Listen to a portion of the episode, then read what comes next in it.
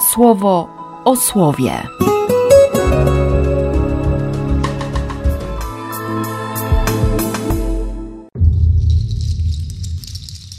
2 grudnia, czwartek.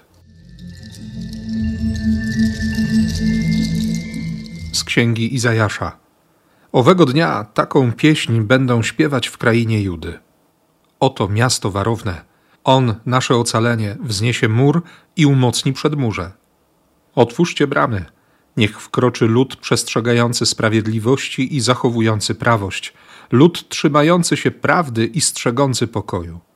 Na Tobie bowiem oparli swe nadzieje, Panie, i to na wieki, Boże wielki i wieczny. Ty zamieszkujących w wysokich pałacach upokorzyłeś, strącając ich w dół. Ty warowne miasta zamieniłeś w ruinę, rozwalając je aż do poziomu ziemi. I deptać po nich będą stopy cichych i pokornych. Z Ewangelii według świętego Mateusza. Nie każdy wołający do mnie, Panie, Panie, wejdzie do Królestwa Niebieskiego, lecz spełniający wolę mojego Ojca, który jest w niebie. Wielu będzie wołać do mnie w owym dniu, Panie, Panie, czyż nie prorokowaliśmy używając Twojego imienia? I czyż nie Twoim imieniem wyrzucaliśmy demony? I nie z Twoim imieniem czyniliśmy wiele cudów? Jednak wtedy oświadczę im, nigdy Was nie poznałem. Odejdźcie ode mnie popełniający nieprawość.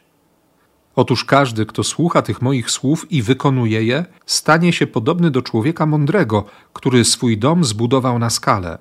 Spadła ulewa i ruszyły potoki, i wichry zadeły i rzuciły się na ten dom, a nie zawalił się, bo na skale ma swoje fundamenty. A każdy słuchający tych moich słów, a nie wykonujący ich, stanie się podobny do człowieka głupiego, który swój dom zbudował na piasku. Spadła ulewa i ruszyły potoki, i wichry zadeły i uderzyły w ten dom i zawalił się, a upadek jego był wielki. Gdy Jezus dokończył te słowa, tłumy były zdumione jego nauką. Uczył ich bowiem jak mający władzę, a nie jak ich uczeni w piśmie. Dopiero co Bóg zapowiedział tę ucztę i nasycenie każdego głodu, wyjście naprzeciw każdej tęsknocie a już obietnica goni obietnicę. Będzie taka pieśń. Oto miasto obwarowane, bo On nasze ocalenie wzniesie mur. Na Tobie oparli swoje nadzieje, Panie, Boże wielki i wieczny. I warto zaśpiewać tę pieśń do samego końca, to znaczy do 21 wersetu tego rozdziału. Prośba w przeplocie z dziękczynieniem albo uwielbienie splecione z błaganiem. Pieśń zaufania, pieśń wyciągniętych rąk. Słowo, które wychodzi naprzeciw tęsknocie ludu wybranego, bo przecież niewola, bo wygnanie, bo brak poczucia bezpieczeństwa, bo ciągły strach, bo przerażenie. A Bóg przychodzi jako gwarancja bezpieczeństwa, przypomina o sobie.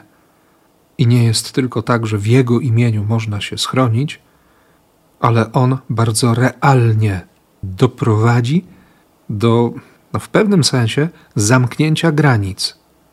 On stworzy tę bezpieczną przestrzeń. On zbuduje dom dla cichych i dla pokornych. I to będzie dom stojący na skale. Bo oczywiste jest, że spadną ulewy, że ruszą potoki, że będą dąć rozmaite wichry, jak dziś w nocy ale dom zbudowany na tym fundamencie, dom zbudowany przez Niego, się nie zawali. I znów mi tak dzisiaj myśl krąży wokół kościoła. Na tej skale zbuduję mój kościół i nawet najdzielniejsi z piekła go nie zwyciężą. Bo taka jest wola Ojca Niebieskiego. No właśnie, nie chodzi o deklaracje, nawet znaki, cuda, prorokowanie, bycie wziętym egzorcystą co prawda te słowa nie pojawią się dziś w Ewangelii, ale, ale dobrze jest je usłyszeć. Nigdy was nie poznałem. Odejdźcie ode mnie popełniający nieprawość. Przyjaźń, relacja, odsłanianie się wzajemne przed sobą. Wczoraj i dzisiaj w tym pierwszym czytaniu też Bóg prowokuje, żeby mówić mu o tęsknotach i o pragnieniach. Ale w Ewangelii liczy na wzajemność. Na tym polega relacja, wzajemne zaufanie. daję przestrzeń Bogu, by podzielił się ze mną swoimi tęsknotami, by powiedział o swoich pragnieniach.